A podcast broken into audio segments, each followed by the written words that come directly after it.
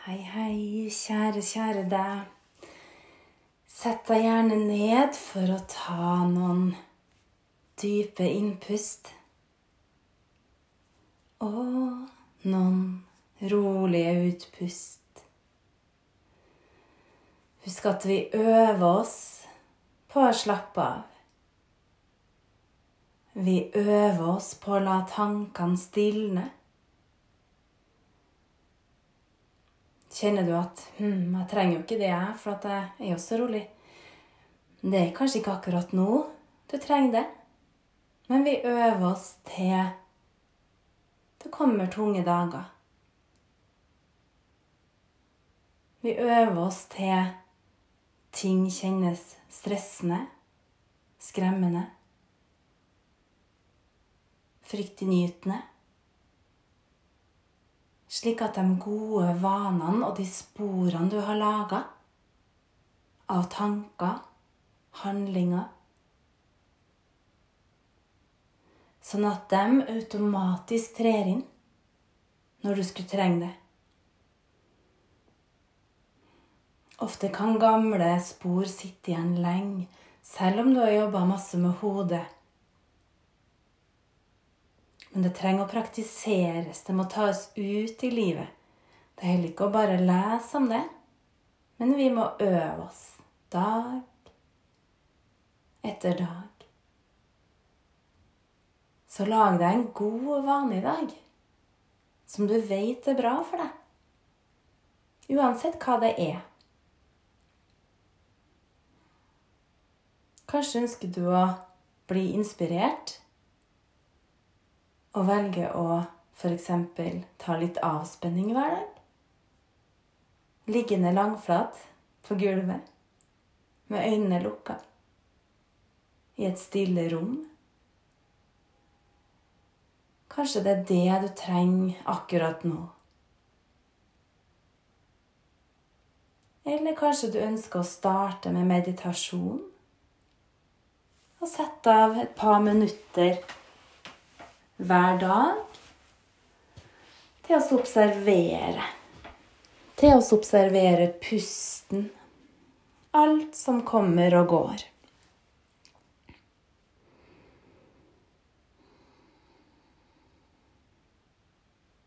Det er herlig å være impulsiv, men kroppen har veldig godt av gode vaner. Kropp, sinn og sjel. Alt henger sammen. En god treningsøkt kan gi deg ro i hodet. Å hoppe og danse kan gjøre at du rister av deg stress. Det er dyrenes måte å bli kvitt stress på. De rister seg.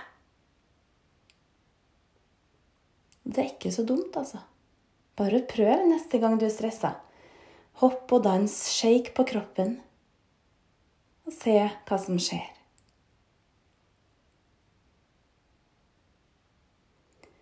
La ryggen være forlenga, toppen av, hodet strekkes opp mot taket. Ta et dypt, godt innpust og kjenn at du åpner lungene dine innifra.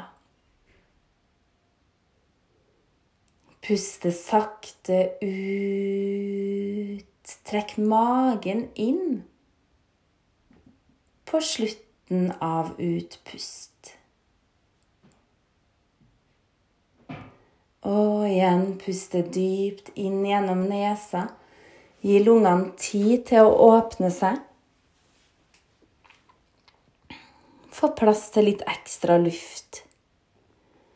Du kan gjerne holde pusten et par sekunder. Ikke hvis du er gravid. Og pust sakte ut. Prøv å tømme lungene fullstendig. Se om du kan la åndedrettet få roes ned. Er det vanskelig å konsentrere seg om pusten, bare sett litt ekstra lyd på den.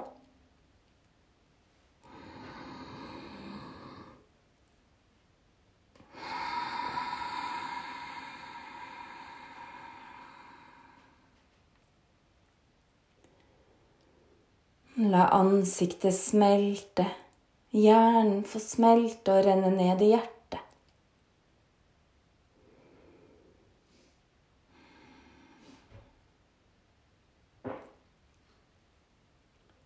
Og bare sitt.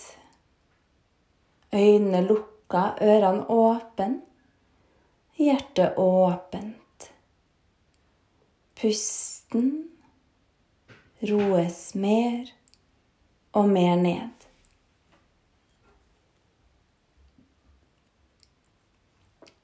Velkommen til nok en episode om ADHD.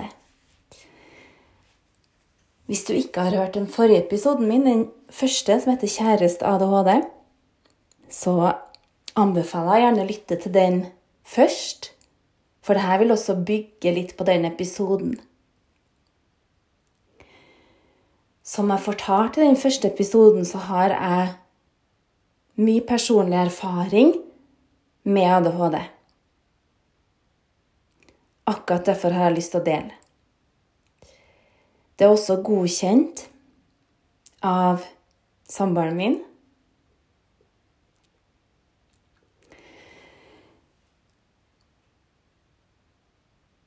ADHD kan virkelig være en superkraft.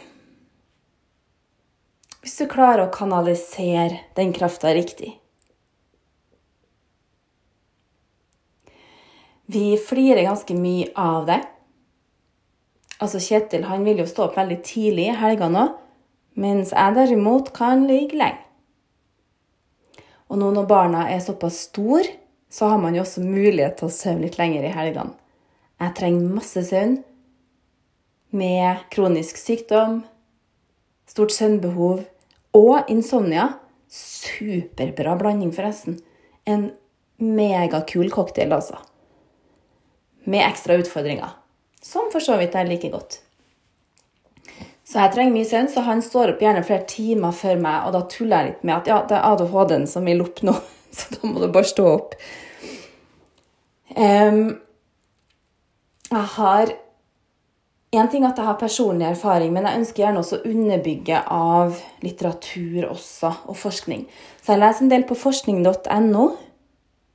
Det er én kilde. Jeg bruker selvfølgelig også Google og først og fremst ADHD Norge. De har jo også en podkast som jeg tror heter ADHD Norge. Superspennende podkast. Og jeg har begynt også å høre noen av episodene. Har ikke hørt meg gjennom alle, men det er planen. Mm. Nå har det jo blitt veldig mange som diagnostiseres med ADHD. Det har virkelig akselerert. Og det som var litt kult da, i går, tror jeg det var, eller i forrige så kom jeg over et intervju med en som jeg ja, kjenner litt, eller vet av i hvert fall. Aksel Tjora, som er professor på NTNU. Um, så jeg vet av han både gjennom nære relasjoner. Og jeg har også hatt den som underviser. Jeg mener at det var da jeg skulle ta X-fil og X-fakk. Eller juridisk forprøve tok jeg òg før jeg begynte på jussen. Og han var superflink. Altså, jeg tror han har ganske mye respekt òg. Eh, og han har uttalt seg om ADHD og det synes jeg, mye av det han sa, syns jeg var utrolig bra. For han snakka også om at han syns det diagnostiseres i hytt og pine, da. Jeg husker at dette er min tolkning av det jeg har lest om det han sa. Så jeg skal ikke eh, angi ordrett. Jeg kan jo for så vidt mens jeg prater, se om jeg kan søke opp det eh, intervjuet. Bare så at jeg ikke kommer med noen sånn sitatfeil. Men jeg skal ikke ta sitat heller, så det er noe greit. Men han snakka om at det blir veldig mange som får diagnosen, da.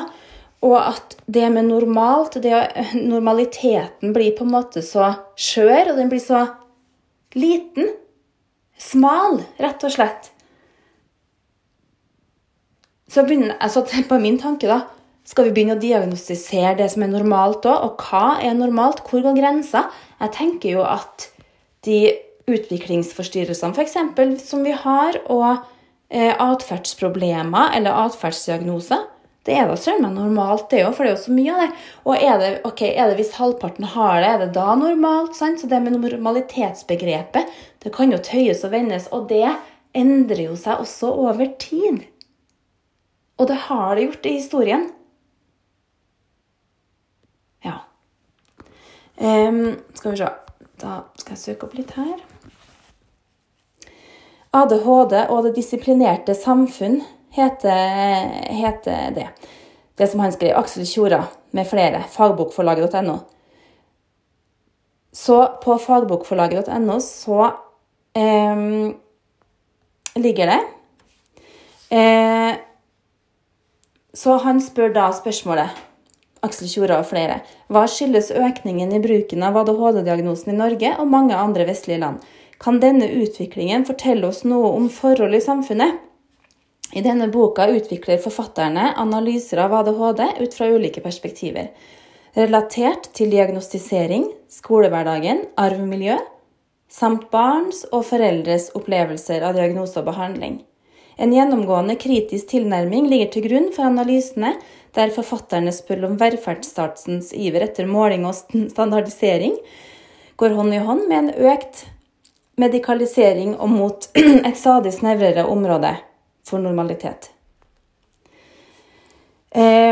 En bredere forståelse av relasjonen mellom fenomenet ADHD og samfunnsendringer kan bidra til å utvikle andre tilnærminger til problemet enn diagnostikk og medisinering. Boka henvender seg derfor til studenter innenfor sosial- og helsefag, til lærerstudenter samt til dem som arbeider innenfor pedagogisk arbeid og helsetjenester rettet mot barn og unge. Den vil også være av interesse for alle andre som er opptatt av forhold mellom helse og samfunn. Å, gud, altså. Jeg tror faktisk jeg må lese denne boka. Høres bare helt fantastisk ut. Eh, det er nesten så at jeg er frista til å ringe han. Til å ringe Aksel Tjora og spørre om han kan tenke seg å stille til intervju i podkasten. Jeg vet ikke om jeg tør det, for han er jo en sånn høyt på strå professor. Eh, men jeg har jo da mine kontakter eh, som kjenner han godt. Så kanskje jeg skal gjøre det en dag, når podkasten når jeg har drevet podkasten litt lenger og kanskje øvd meg på et par andre intervjuobjekter først.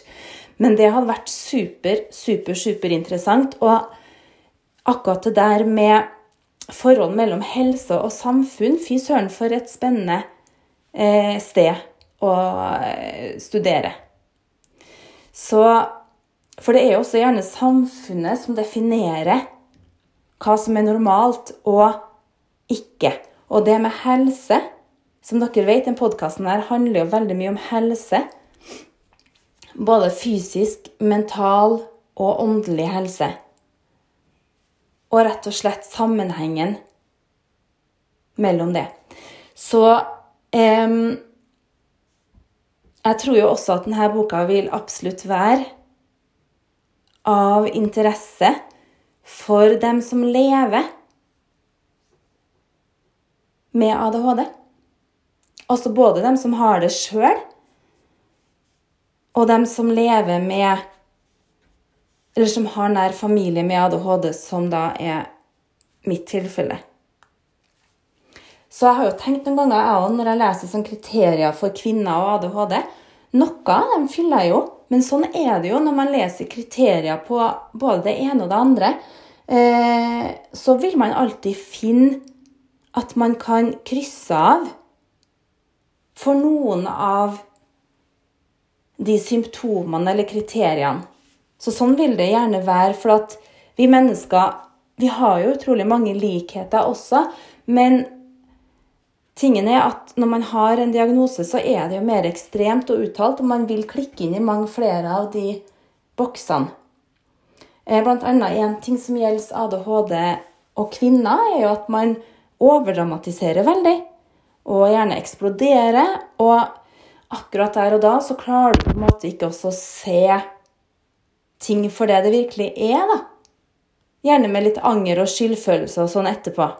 Og det er også spennende, for det kan jo mange som ikke har ADHD, også oppleve. At man til tider kan bli litt dramatisk. Det kan også for kvinner avhenge veldig av syklusen, hvor i syklusen du er, og hormoner. Det kan avhenge av livssituasjon, Det kan avhenge også av hvilken person som trykker på de rette knappene eller feile knappene. Alt ettersom hvordan du ønsker å definere det.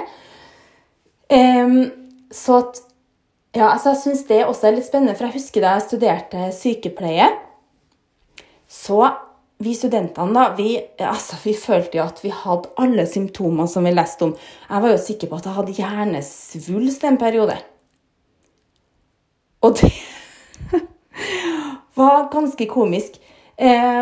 Det var jo bare at jeg gikk på p-piller som gjorde at jeg hadde hodepine. Men jeg var Ja, had, fant jo at jeg hadde alle symptomer på hjernesvulst. Og det endte jo da med at jeg gikk gjennom en hel mølle da, med å få tatt eh, CT og jeg husker ikke om jeg tok MR.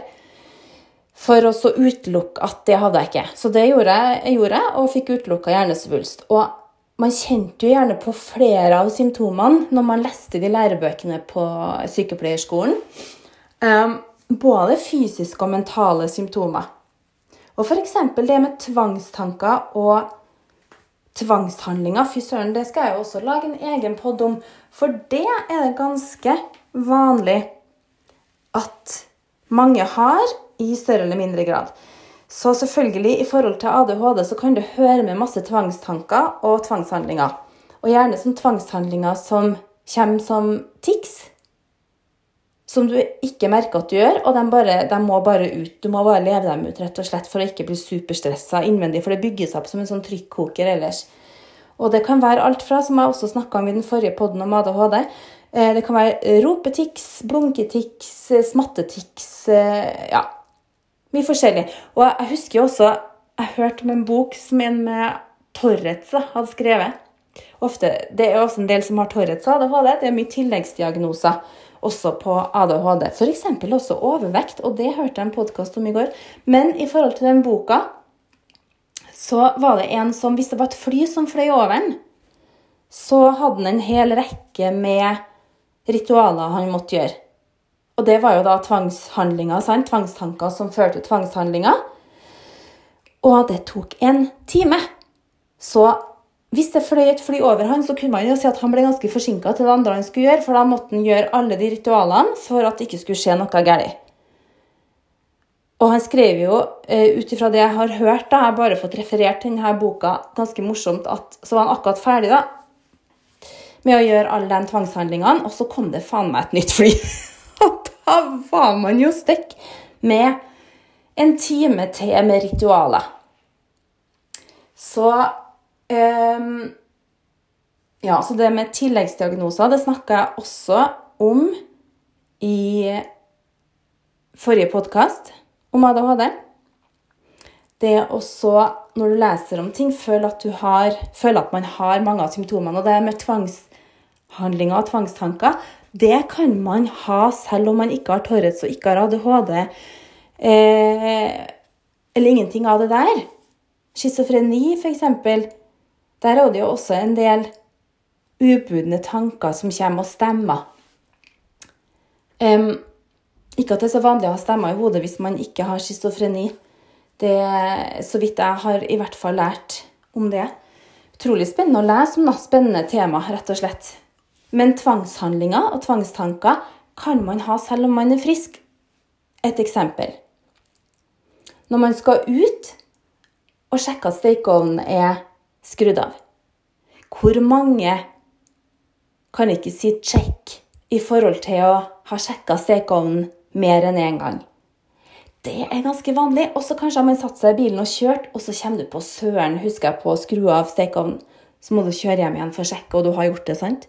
Som ofte så har du gjort det. For det går også ofte på automatikk. Utrolig kjekt når de induksjonsovnene har kommet som skrur av sjøl etter hvert. da. Men det er en sånn typisk tvangshandling som er vanlig. Eller har jeg huska å slukke alle lysene? Eller har jeg huska å blåse ut stearinlys?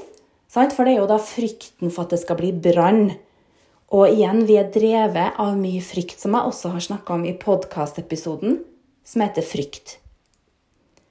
Så husk på at mye av det her, eller alt henger sammen på et vis. Så den frykten for at det skal bli brann, det kan være den kombinert med en tvangshandling. Og også at man ikke skal tråkke på streken når du går over brostein. Det er også en ganske vanlig tvangshandling. At du får bare hoppe fra brostein til brostein. Så det er mange sånne små tvangshandlinger som du kanskje ikke har tenkt på som tvang heller. Men det er jo på en måte det. Selvfølgelig også kjempesmart å være nøye på å slå av stekeovnen og heller sjekke en gang for mye enn en gang for lite. Men hvis man da begynner å sjekke la oss si både tre og fire og fem og seks ganger, da vil jeg jo si at det har blitt en tvangshandling. Men det er da utrolig spennende, og man kan jo også observere barn. Det er jo også en del barn som kan ha en del sånne mønster, eller man kan jo også det kan være litt sånn overglidende i hverandre, det med en tvangshandling eller en måte Barna må ha det på en spesiell måte, men det kan jo også være forbundet med det trygghetsbehovet. Eller det med vanen, med gode vaner for leggetid, f.eks. Men det kan også gå over i en slags tvangshandling at hvis ikke du legger bamsen akkurat på det stedet, eller ikke gir klem akkurat fra høyre side, f.eks., to ganger, så kan det kanskje gjør barnet opprørt, og det får ikke til å sove. Og da har det gjerne gått over til å bli en type mild tvang. Så det er så utrolig spennende å forske ut i de grensene. Eh, jeg skulle jo også i dag, hadde jeg tenkt, lage en podkast om ADHD og medisinering. Oh my god, for et knallspennende tema. Og det er mye forskjellige meninger om medisinering ved ADHD. Så stay tuned. Legg gjerne igjen en femstjerners eh, review hvis du liker podkasten. Det blir jeg superglad for.